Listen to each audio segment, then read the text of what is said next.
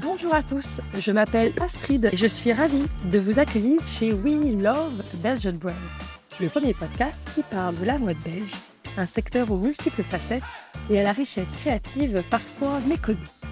Avec ce podcast, je tends le micro aux créateurs, entrepreneurs, CEO, agents, passionnés. Grâce à ces discussions, je souhaite rencontrer l'humain et écouter les histoires qui se cachent derrière une marque. Car réussir est toujours plus complexe qu'une belle page de pub ou un post Instagram. Joie, difficultés, coup de chance ou sortie de parcours, monter sa maison de prêt-à-porter ou d'accessoires est un long voyage. Alors aujourd'hui, avec vous, j'aimerais voyager au cœur des marques belges pour partager, questionner les modèles et dévoiler l'humain qui se cache derrière nos petits et grands succès. Je vous souhaite dès à présent une belle écoute. Bonjour à tous. Aujourd'hui, c'est Elke Timmerman qui est à mon micro. J'ai rencontré Elke en 2021 lors de projets que j'ai menés avec le MAD et ce fut très vite une belle rencontre. Aujourd'hui, Elke est chef de projet senior au Fashion Council of Germany. Elle est principalement en charge des projets internationaux et a même confondé en 2022 l'Alliance européenne de la mode, European Fashion Council, qui est la suite du réseau de conseils européens de la mode qu'elle a rassemblé pendant des années pour favoriser la prospérité de l'écosystème européen de la mode. Avant ça, elle était donc directrice business et carrière au MAD, Bruxelles, la plateforme du design et de la mode à Bruxelles. Elle a donc une très belle connaissance de la mode belge. À travers ses différentes activités, Elk est portée par l'ambition de promouvoir les talents bruxellois et belges de la mode et du design, aussi bien en Belgique qu'à l'étranger. La rencontrer aujourd'hui est l'occasion rêvée pour moi de lui demander ce qu'est la réalité des créateurs belges aujourd'hui, leur place à l'international et comment les aider à briller, à grandir. Elk, bonjour. Bonjour Astrid. Tu peux nous dire en quelques mots qui es-tu? Je suis Elke Timmerman. J'habite à Bruxelles depuis un bon moment, 20 ans déjà, je pense. Je suis gantoise à la base. Et je travaille depuis 15 ans dans la mode maintenant, je pense. J'ai deux enfants, Phoenix qui a 4 ans, So qui a 8 ans. Et ils vont à l'école ici, euh, en irlandais d'ailleurs, euh, à Bruxelles. Et euh, ben voilà. Super. Et donc, 15 ans déjà dans la mode, est-ce que tu as toujours rêvé de travailler dans la mode? C'était quoi ton job de rêve quand tu étais enfant? Quand j'étais enfant, j'étais plutôt sur la piste d'être politicien. Ouais. Politicienne. politicienne, pardon, féminine. Ouais, politicienne. Et c'est pour ça que j'ai aussi elle a fait des études en Sciences Po. Mais par contre, j'avais toujours aussi une rêve plutôt créative. Ah, depuis que je suis jeune, ma maman m'a toujours euh, menée sur des pistes de mode et on est en train de coudre et tout. Donc, un jour, j'avais quand même envie de m'exprimer comme ça. C'était pas là depuis le début. J'ai jamais joué avec des poupées ou quoi que ce soit. Mais euh, et puis oui, effectivement, après mes études, je suis partie à Londres. Et là, j'ai euh, exploité, je dirais, non, j'ai euh, plongé dans, dans l'aventure mode en prenant des cours à, à Central St. Martin. Ah, cool. Ouais, à Londres. Et pendant deux ans, et où j'ai travaillé là aussi, dans la politique d'ailleurs. Donc voilà, c'était un peu euh, le mix des deux. Ouais, et c'est quoi justement le lien que tu fais, toi, entre politique et mode? Le lien, c'est à plusieurs niveaux, je dirais. hein. J'ai commencé plutôt euh, en combiner les deux, parce qu'à Londres, j'étais actif chez Flanders Investment and Trade, c'était l'export et l'import des... En tout cas, le, le soutien des, des entreprises flamandes qui voulaient exporter ou importer. Et puis là, c'était la mode. Et, allez, et là, j'ai juste bien commencé à sentir qu'est-ce que c'est la mode. Et puis après, mais le rôle aujourd'hui entre la politique et la mode, c'est plutôt la reconnaissance des industries créatives, je pense, par le politique. Et là, vite, en travaillant d'abord chez Modo, Modo Brussels, qui était juste avant le MAD, là. Là, c'était un très bon exemple de dire comment on pourrait combiner les deux. Combiner, c'est pas le meilleur mot, mais pouvoir soutenir les deux par, par l'un à l'autre. Et il y a quand même un rôle important au niveau local et national, je dirais, pour d'abord investir dans les, les industries créatives et les créatives en soi, dans le secteur du textile, qui est encore là, heureusement, surtout en Flandre, mais qui n'est pas très grand non plus, comparé avec les années 70 ou 60, où il y avait vraiment une, une industrie textile florissante, je dirais. Mais surtout aussi au niveau européen, où là, je suis plutôt active maintenant ou internationale slash euh, européenne, où les institutions européennes ont, quand même aussi un rôle à jouer dans toute la durabilité du, du secteur. Mm. Tout ce qui est loi et régulation par rapport à, comment le dire en français, les douanes, tout ce qui Ouais, les est comp- taxes, des- des ouais, taxes, les réglementations. et rég- euh, ouais, réglementation, tout ce qui est composition des tissus et des, des fibres et tout. Là, il y a un rôle à jouer Ouais. par la Commission européenne. Et si je ne me trompe pas, la, la Belgique a toujours assez largement soutenu les industries créatives historiquement. C'est-à-dire, a- c'est jamais assez, hein. c'est très bien. hein. Il y a jamais assez de, de l'argent politique de, du gouvernement qui est transféré vers les, vers les industries créatives, donc ça peut être toujours plus. Mais effectivement, le secteur de la mode a Mhm. été un des premiers, je pourrais dire, qui a été soutenu avec le plan textile Mhm. dans les années 80, où il y avait notamment l'industrie du textile qui était en train de La production, quoi, vraiment la la, la production. Il y a confection, la confection qui, et la pe- existait à oui, l'époque. qui existait à l'époque. Toute la compétition avec le monde asiatique, mais Mhm. même aussi l'Europe de l'Est, a fait que cette industrie était quand même en, danger ici Ouais. en, Belgique. Donc, ils voulaient faire action de promotion et soutenir le secteur plus. Et donc, pour cela, ils ont inventé le plan textile. Et puis, il y a le, le Gouden Spool. Je ne me rappelle plus le nom en français. Le, bah, crois Chose dorée. Yeah, yeah. Euh, ouais. C'était un prix, effectivement, pour Mm. nominer, en tout cas, rémunérer le, les meilleurs designs. Donc, Ouais. avec le plan textile, c'est là où les styles Anvers ont démarré Tout petit à à fait. petit parce qu'ils ont pu, à, un certain point, ils voulaient mm, mettre en contact les créatives avec tout le côté production, d'où vient aussi cette, euh, ce- cette prix-là. Et donc, voilà, tout ça, ça a quand même aidé, je dirais, à donner un visage à ce secteur et faire en sorte qu'à un certain point, euh, la mode était un des produits d'exportation euh, principaux hein, Ouais. de la Belgique. Ouais. En France, c'est bien évident parce que c'est un- une des grosses, allez, Ouais. des, des industries les plus importantes. Même en Italie, les deux, Bien je sûr. pense. En Belgique, pays, allez, le pays est beaucoup plus petit et on a d'autres secteurs qui sont très forts aussi. Mais, euh, Mais pour un si petit pays, moi, ça m'impressionne aussi de voir qu'il y a Flanders d'ici, Yeah. Mads, enfin, tu Yeah. vois, qu'il y a déjà eu d'autres plans d'action Yeah. Euh, depuis les années 80, comme Oui. tu vous ai remarqué. ouais. Donc, y a... Donc, en- en- dans les années 90, effectivement, les deux gouvernements flamands et bruxellois, je sais pas au niveau wallon, je sais pas à quel moment eux, ils ont commencé à soutenir. Mais en tout cas, Bruxelles et Flandre, ils ont commencé, à- allez, ils ont initié des organismes comme euh, Moto, Mm. mots de Bruxelles, Ouais. et Flanders Fashion Institute pour promouvoir et soutenir le secteur cool. de la mode et donner un visage. Et ça, c'est quand même important. Heureusement, on est tous nés ici dans un pays Bien euh, sûr. On a beaucoup de chance. euh, avec beaucoup de chance et ouais, d'opportunités. hein. C'est bien On- de, on de sait- le rappeler ouais, aussi. ouais.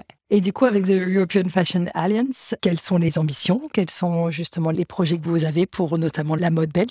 Ouais. Ben, principalement avec la European Fashion Alliance, parce que pour la petite histoire, j'ai commencé ça dans le cadre du MAD, Mhm. À réfléchir sur comment positionner Bruxelles, en tant que, puisqu'on n'était pas en ville de mode, hein, comparé Mhm. avec euh, Anvers, mais Bien surtout sûr. quel est le USP de Bruxelles, c'est le Mhm. réseautage, c'est le, c'est le capital de l'Europe, Ouais, en fait. ouais. Et puis aussi tous les défis et les challenges que des organismes comme MAD, comme euh, Flanders ici, mais comme Moda Lisboa, Mm. comme euh, les Espagnols et plein de pays ont quand même des organismes qui soutiennent des créateurs, ceux qui démarrent, mais aussi ceux qui sont déjà là, oh, établis. Il y avait la crise économique en 2018 et on Mhm. s'est dit, ben, il faut qu'on...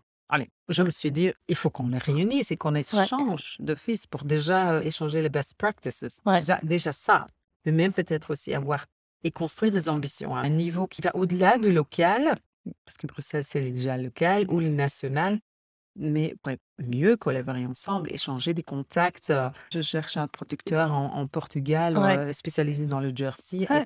ce genre de choses, Ouais. comment, comment ce contact peut arriver en Belgique beaucoup plus fluide. Sans vouloir non plus ne pas aller déranger notre industrie textile, parce que ça, c'est euh, bien sûr la balance dont nous avons une responsabilité, mais pour l'Alliance. Donc finalement, on est arrivé, on est 2022 maintenant. Depuis un mois, euh, the European Fashion Alliance existe. Donc là, on a réuni 31 organismes de mode et l'ambition va beaucoup plus large, mais on fait petit à petit, step by step, hein, comme toujours, parce que c'est quand même un, un exercice diplomatique, je dirais, pour réunir tout le monde, pour comprendre les agendas de tout le monde, surtout les grands, hein, la Camera Nazionale de la Moda euh, italienne a d'autres intérêts que yeah, le Slovak Fashion Council, je dirais. Mais ils ont d'autres défis, le Slovak Fashion Council, parce qu'ils n'ont pas de soutien financier du gouvernement autant que la Caméra nationale a des 5 milliards. Allez, je dis n'importe quoi, mais Ouais, c'est plus ou moins ça, en fait. Donc, c'est complètement autre chose. Et de dire, OK, mais les grands peuvent aussi aider les petits dans un premier temps. Mais le but, c'est bien sûr de parler avec les, les stakeholders autour de nous et de dire comment on pourrait soutenir directement aussi les milliers, parce qu'il y a des milliers, peut-être un million, je ne sais pas, des créateurs autour de nous, créateurs indépendants, des marques indépendantes qui- ont, je dirais pas qui souffrent un peu négatif, mais qui ont des challenges devant sûr.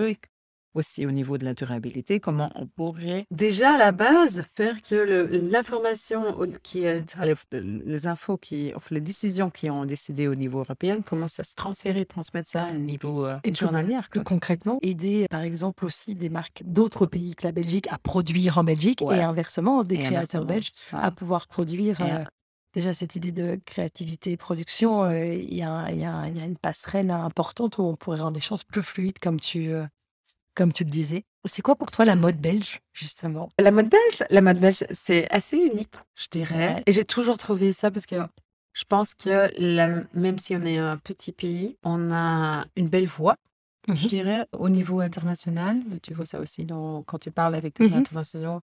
Les Belges ont une position avant-garde. C'est une mode avant-garde, c'est assez personnalisé. Tu vois ça déjà avec les six Anvers. Absolument. Six personnalisés, mais avec un style, mais complètement différent. Et aussi ceux qui ont suivi, le Raph, Tim, allez, il y en a plusieurs. euh, Bruno Peters, chacun avait son histoire à raconter ou a encore son histoire à raconter. Et c'est, euh, il y a, on n'est pas un pays avec des grosses marques commerciales. Comme aujourd'hui, je travaille en Allemagne et je vois que Ouais, ils ont ça. Ouais, ils ont une, une industrie qui est mais immense. Ouais. C'est-à-dire aussi, ils ont Adidas, ils ont Hugo Boss. Donc, c'est des grosses marques grosses à productions, côté. Ouais, ouais, ouais, parce qu'on a fait une étude aussi en Allemagne et c'est une industrie. C'est la deuxième plus grande industrie Du pays du non, de l'Europe. Ah, wow. Mais personne ne sait. Ouais. Personne ne sait. Ah, personne ne sait. donc, oui, c'est très bizarre, effectivement. Et c'est quoi la première industrie? Bah, les voitures, là. Les voitures. Ouais, la voiture. Évidemment. Évidemment. Évidemment. Ah non, en allemand, il n'investit pas dans la mode, il investit dans une voie, une Dans une bagnole. voiture, une belle, une belle, Une belle voiture. bagnole. Yeah. Mais, mais bon, euh, non, il commence quand même à investir dans l'art. Ouais, Mais dans petit à Ouais, petit, ouais, petit à absolument. petit, c'est pas...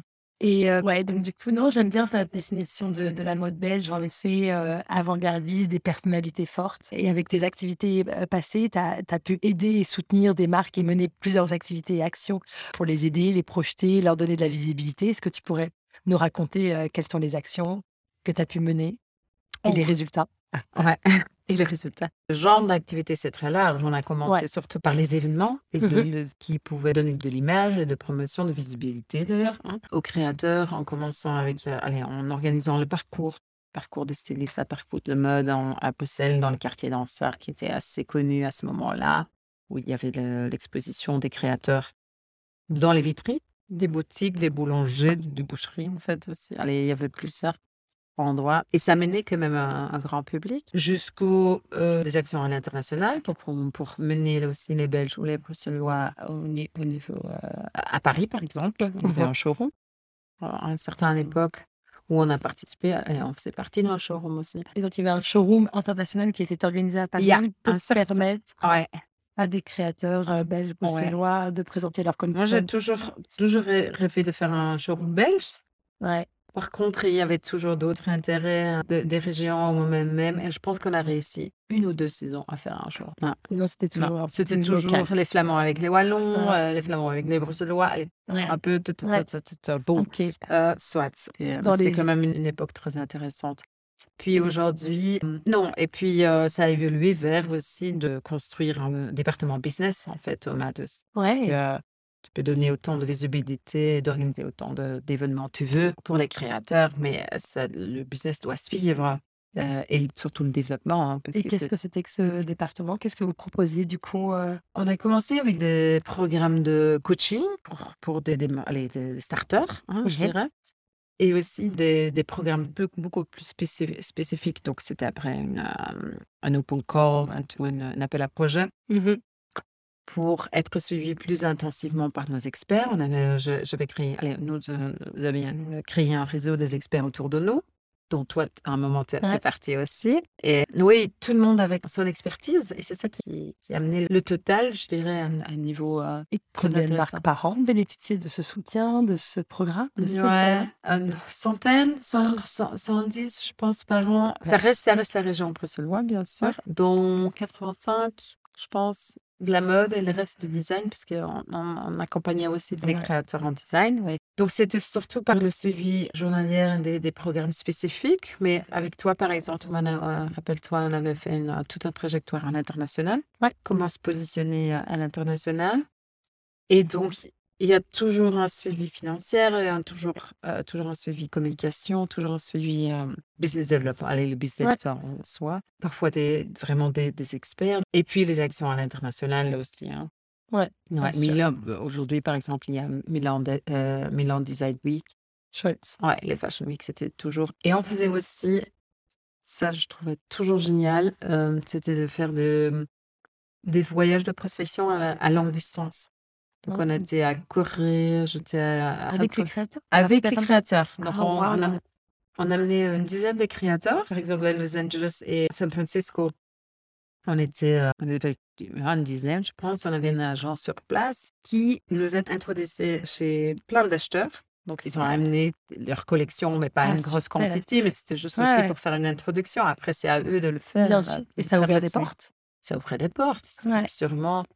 C'était des acheteurs à l'un côté et l'autre côté, c'était aussi, on a rencontré des, des bureaux de presse, euh, bureaux Ouais. de communication aussi, pour Ouais. un peu, d'abord déjà une introduction sur le marché euh, Ouais, américain, Il y a, et il y a plein Ah ouais, génial. clou.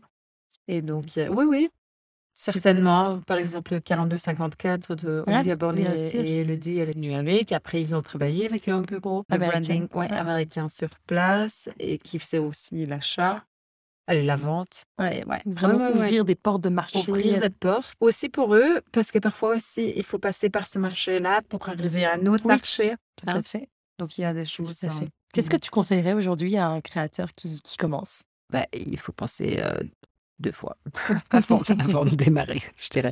Non, non. C'est euh, yeah, challengeant hein, de Ouais. démarrer dans la mode, mais c'est une période super intéressante. Et il y a plein de gens, et je pense que la barrière pour démarrer dans la mode est beaucoup plus basse, parce qu'avec tout ce qui est social media, Mhm. les réseaux sociaux, et tout, oui, oui. Avant, euh, il y avait des règles, il fallait un capital, il fallait Oui. euh, oh, préférablement faire une école de mode qui est pas mal, hein, je dirais. Il faut avoir du soutien de tes, tes- tes- tes parents, il faut avoir une vision et un produit fort. Et puis, entoure toi-même avec Ouais. des gens dont tu as confiance et Ouais. qui peuvent t'amener quelque chose. Ça, c'était un peu les points de base pour démarrer une marque. Aujourd'hui, c'est beaucoup moins compliqué parce que l'accès au monde entier, soi-disant, est beaucoup plus, plus facile avec les Mhm. social media. Si tu as un, un bon caméra, si tu, rac- Mm. euh, tu sais raconter une histoire, si ton produit est plus ou moins OK, tu vas arriver pour lancer ta marque, tu vas arri- arriver pour euh, vivre un peu avec ta marque. Mais le grand challenge, c'est d'aller au next level et d'attirer des gens aussi. Parce que si on fait que du B2C, par exemple, il y a toute la génération Z, il y en a plein qui veulent que du B2C, ils sont plus, n'ont plus d'intérêt dans le B2B. C'est ce qui fait que c'est un secteur super intéressant parce que ça peut coexister Absolument. parfaitement l'un à l'autre, mais en, comment tu dis, attirer des gens vers ton site web, ça reste quand même challengeant. hein. Donc, Et, et, et donc, continuer à provoquer des, ventes. Je pense que c'est marques qui sont donc euh, digital natives. euh, Yeah. Ligne, online. Yeah. Elles doivent sortir toutes les trois semaines des nouvelles euh, Yeah. pièces pour continuer à stimuler, à créer du contenu. ouais, mais quand tu, par exemple, je sais pas si d'autres tu challenges, connais, quoi. ouais, c'est d'autres challenges. Si tu connais la marque Maison Cléo, française, c'est une ancienne, je pense qu'elle sortait du monde de la communication, RP. C'est une fille, Cléo, et sa mère, qui était couturière, qui ont lancé une marque, euh, mais genre, on sort tous les semaines un truc. Ah, Allez, au début, c'était une pièce- unique et en limited edition, Ouais. édition limitée. Et puis, tous les mercredis, de 5 à 7 heures, le webshop était ouvert. Donc, ils ont réussi à créer, ça c'était vraiment Intéressant. dé- au début, de réussir à, à créer un moment clé. De 5 à 7, elles présentent leur 5 pièce. à 7, c'est la nouvelle truc et c'est take it or leave it. Ouais, Euh, il y a si 20 c'est pièces, fini-. Il y a 20 pi- pièces, c'est fini, c'est fini parce que ma mère ne sait pas Produire plus. produire plus. Mais petit à petit, cette histoire a quand même Ouais, l'idée est intéressante. hein. Yeah, l'idée est super Et intéressante. si Je tu as une, si une communauté, euh, moi si j'y crois. communiquer, Mais ouais, elle avait déjà une base, elle savait comment positionner la marque et tout. Et aujourd'hui, c'est une marque euh, qui, qui fait des collaborations avec Net-à-Porter. Allez, tu vois? Top. Ouais. Ouais, ouais. c'est pas forcément qui- quelqu'un qui avait une, une éducation dans, dans, le, dans la mode, mais Une bonne communicante. une bonne communicante.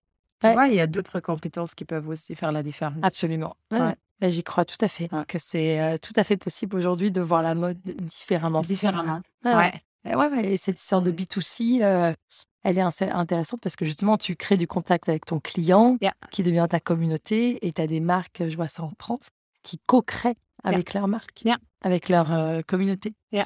Et c'est assez intelligent hein, parce que du coup, tu engages les personnes. euh, euh, donc, ouais, il y a des nouveaux modèles, des nouveaux modèles qui existent. Ouais. Il y a un seul truc qui reste pour la même chose pour tout le monde, c'est que le produit même, Ouais. si tu payes euh, 150 euros pour un t-shirt, il doit être nickel, parfait, Ouais. tout ce que tu veux.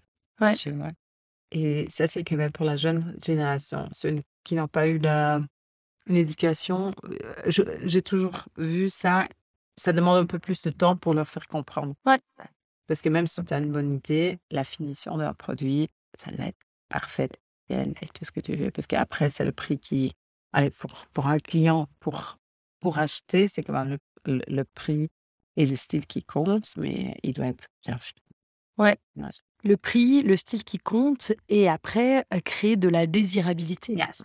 Et c'est ça que certaines marques savent très très bien faire, avec des Yeah. visuels hyper puissants et un tone of voice ou un, un truc assez chouette euh, véhiculé par Instagram, Yeah. qui fait que les gens aiment bien euh, cet univers de marque. Yeah. Ça, je pense que c'est plus fort aujourd'hui que, que ça ne l'était hier. Justement. Ouais, Ouais, ouais, tout à. Ouais.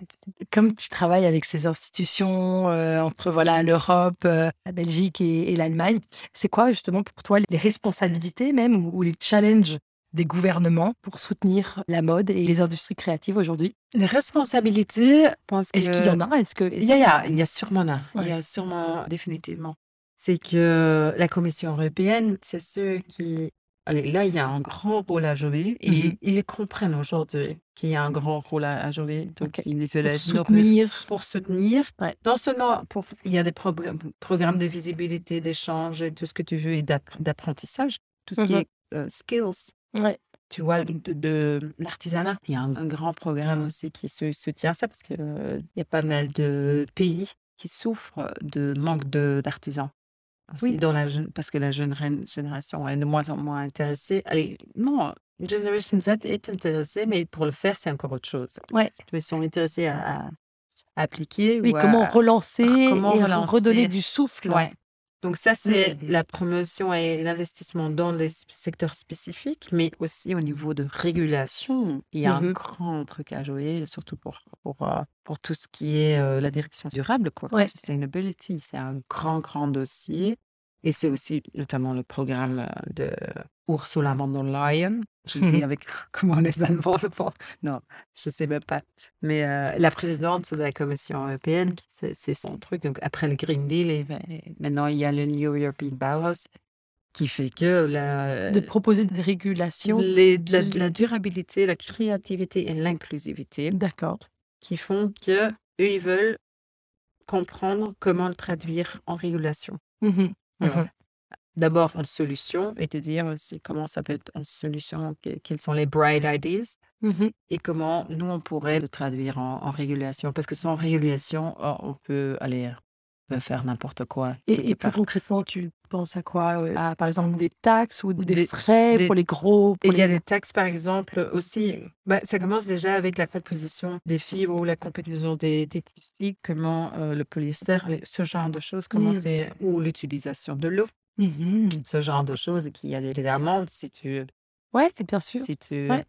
La discussion de l'importation, de, Ah oui, de taxes de- d'import, c'est toujours une bonne discussion parce que ça sent un peu le protectionnisme Ouais. et ça, on peut Et pas. on est quand même sur un marché. Mais euh, ouais, comme c'est un marché ouvert, mais euh, il y a plusieurs choses. C'est non seulement sur la confection et la constitution des produits, mais c'est principalement sur, sur, Ouais. sur, sur ça quand même. Donc côté, allez, côté, euh, côté production, Ouais. qui aidera aussi les grandes marques et les, et les fast fashion assimilent mieux. Et eux, ils ont tous des représentateurs hein, autour euh, ça, dans ils sont leur tous à la table. Oui, ils sont tous autour de la table. C'est des représentateurs qui sont spécialisés dans les dossiers européens aussi, dans la régulation aussi. Donc, Tu veux ont- dire ces gros groupes LVMH, tout ça, ils ont donc, des ils doivent défendre les, Ouais. bien sûr les, les, euh, les intérêts. les intérêts effectivement des, des grandes marques, mais aussi ces grandes marques ont tous des, des grandes cellules durables. Allez, Oui, bien sûr, de faire bien sûr. On se pose Donc, aussi ces questions-là. déjà, on va dans la bonne direction, ça peut être accéléré. Ouais. Et c'est là où la commission peut accélérer. Je comprends. Tu vois? Ouais.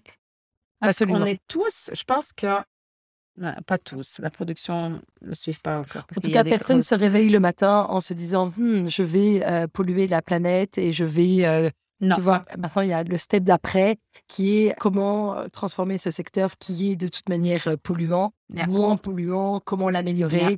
Et je pense que dans ce sens-là, euh, tout le monde a envie d'aller vers. euh, Je pense sur, Vers des progrès. Il y a personne qui est contre et qui peut être contre. Je Voilà, ce c'est ça. plus accepté. Le seul, le gros challenge, c'est les prix.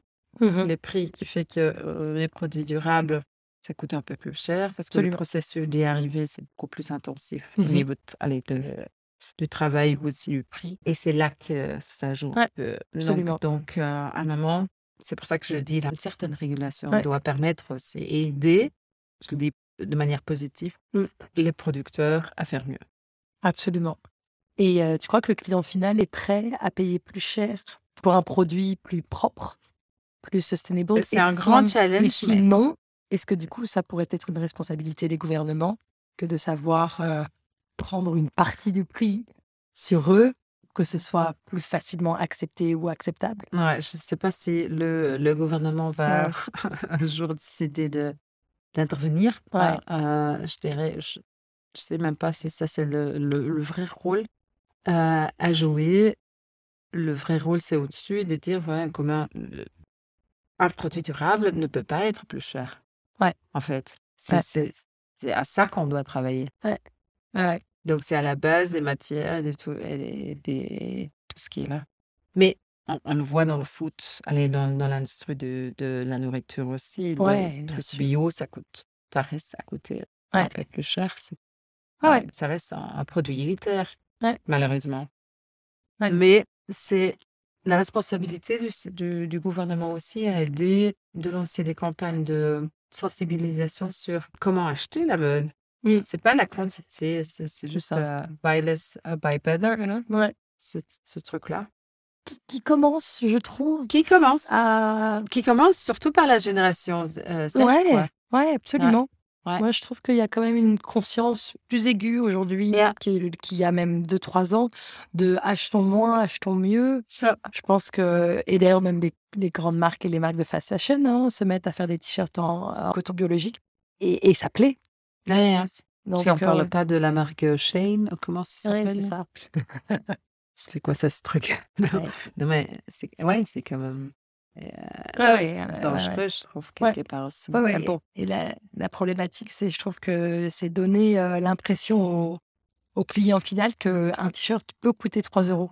C'est, c'est ça le, la problématique. D'ailleurs, euh, ça existe déjà depuis longtemps, mais là, Ouais. on va de 10 euros euh, à 3 euros. Ouais, ouais, ouais, ouais. Et c'est ça qui est effrayant, c'est vraiment pas réaliste. Ouais. Ouais. Mais, mais, mais j'imagine que ça fait aussi avancer les choses parce que ça permet aussi de, d'ouvrir le débat et, et de comprendre. Yeah, euh, parfois, c'est un wake-up call aussi. Ouais, tout à fait. Parce qu'on était un peu endormi. euh, endor- Allez, je n'ai pas endormi, on avait d'autres focus après Covid. Oui. Ce genre de chaîne qui arrive là euh, dans le pays, euh, c'est dire, bon, Ah oui, il il y a faut qu'on aille quand même existe, quoi. édition. Ouais, il y a ça qui existe et on est confronté à ça de manière journalière. Donc, oui, Ouais. donc la discussion peut, peut s'ouvrir, je dirais. Ouais, ouais. Ah, Enfin, ah, absolument. Et montrer euh, qu'il y a différentes manières de consommer, différentes manières de voir la mode. Non, la mode, elle est en plein mouvement et on a déjà parlé des Ouais. challenges qu'on rencontre. C'est quoi pour toi les challenges de demain? Le grand challenge, ça reste la durabilité, je dirais. Allez, c'est un challenge constant. Et tous les jours, on arrive à des nouveaux, nouveaux challenges. Euh, Si tu vois le changement du climat et les extrêmes qui s'installent, Ouais. encore pire en pire. Donc, il y a une grosse, grosse urgence de faire moins et de d'aller consommer moins. Mais ça, c'est aussi une discussion. Mais de consommer mieux. hein. et de produire mieux surtout. Mhm. Tout ce qui est l'inclusivité.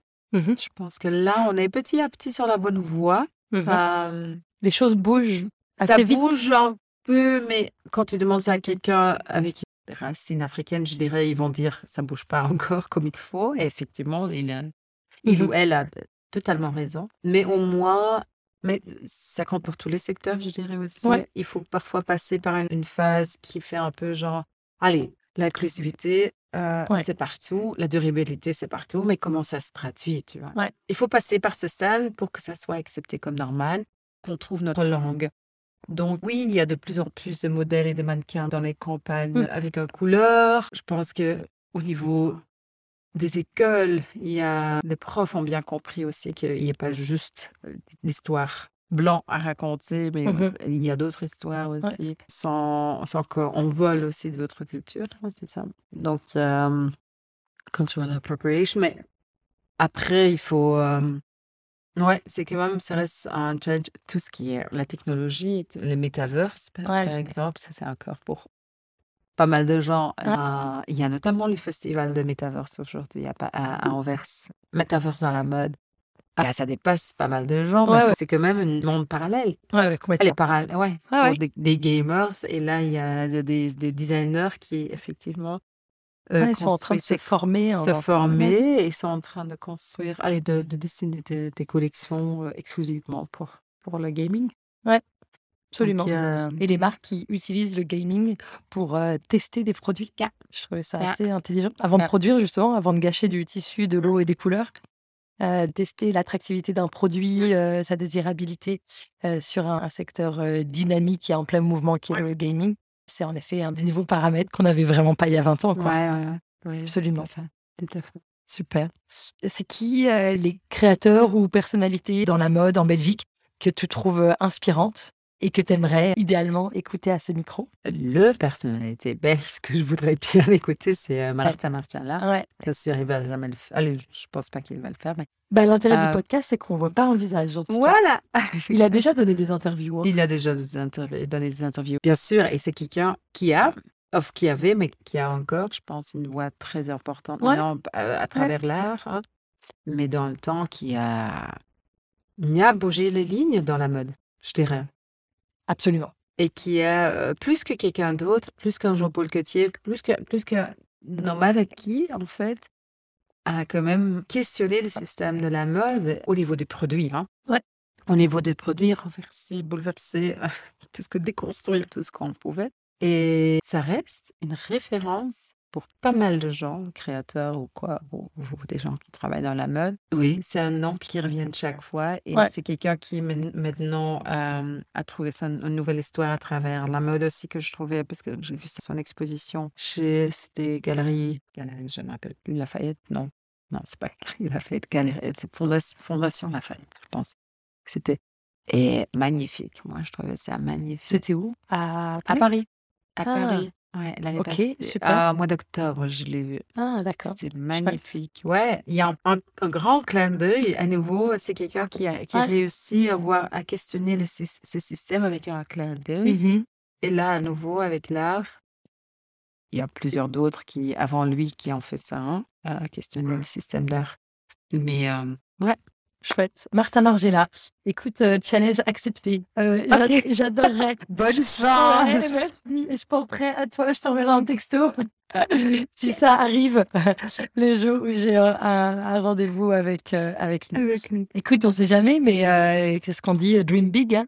Dream big. Ouais, tu peux toujours faire inviter quelqu'un de, de la nouvelle génération de Ouais, derrière ton micro, ouais, hein, parce que c'est- sont aussi un, sûrement une voix importante. euh, Et pour ben, le futur, eh quoi. ben, sache que. J'ai déjà interviewé euh, Ah, quelqu'un de cool. 24 ans Ah, ok. qui a une chouette histoire, un chouette parcours Ah, cool. à découvrir euh, très vite. Merci Elke et puis alors écoute, euh, à très bientôt. Très bien, merci. Thank you. Merci de, de m'avoir invité. Merci beaucoup d'avoir écouté cet épisode jusqu'au bout. J'espère qu'il vous a plu.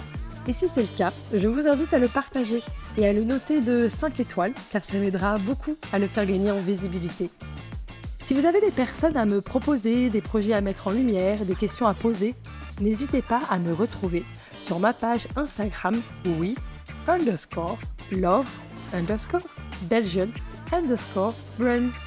Et je vous dis à dans 15 jours pour un prochain épisode.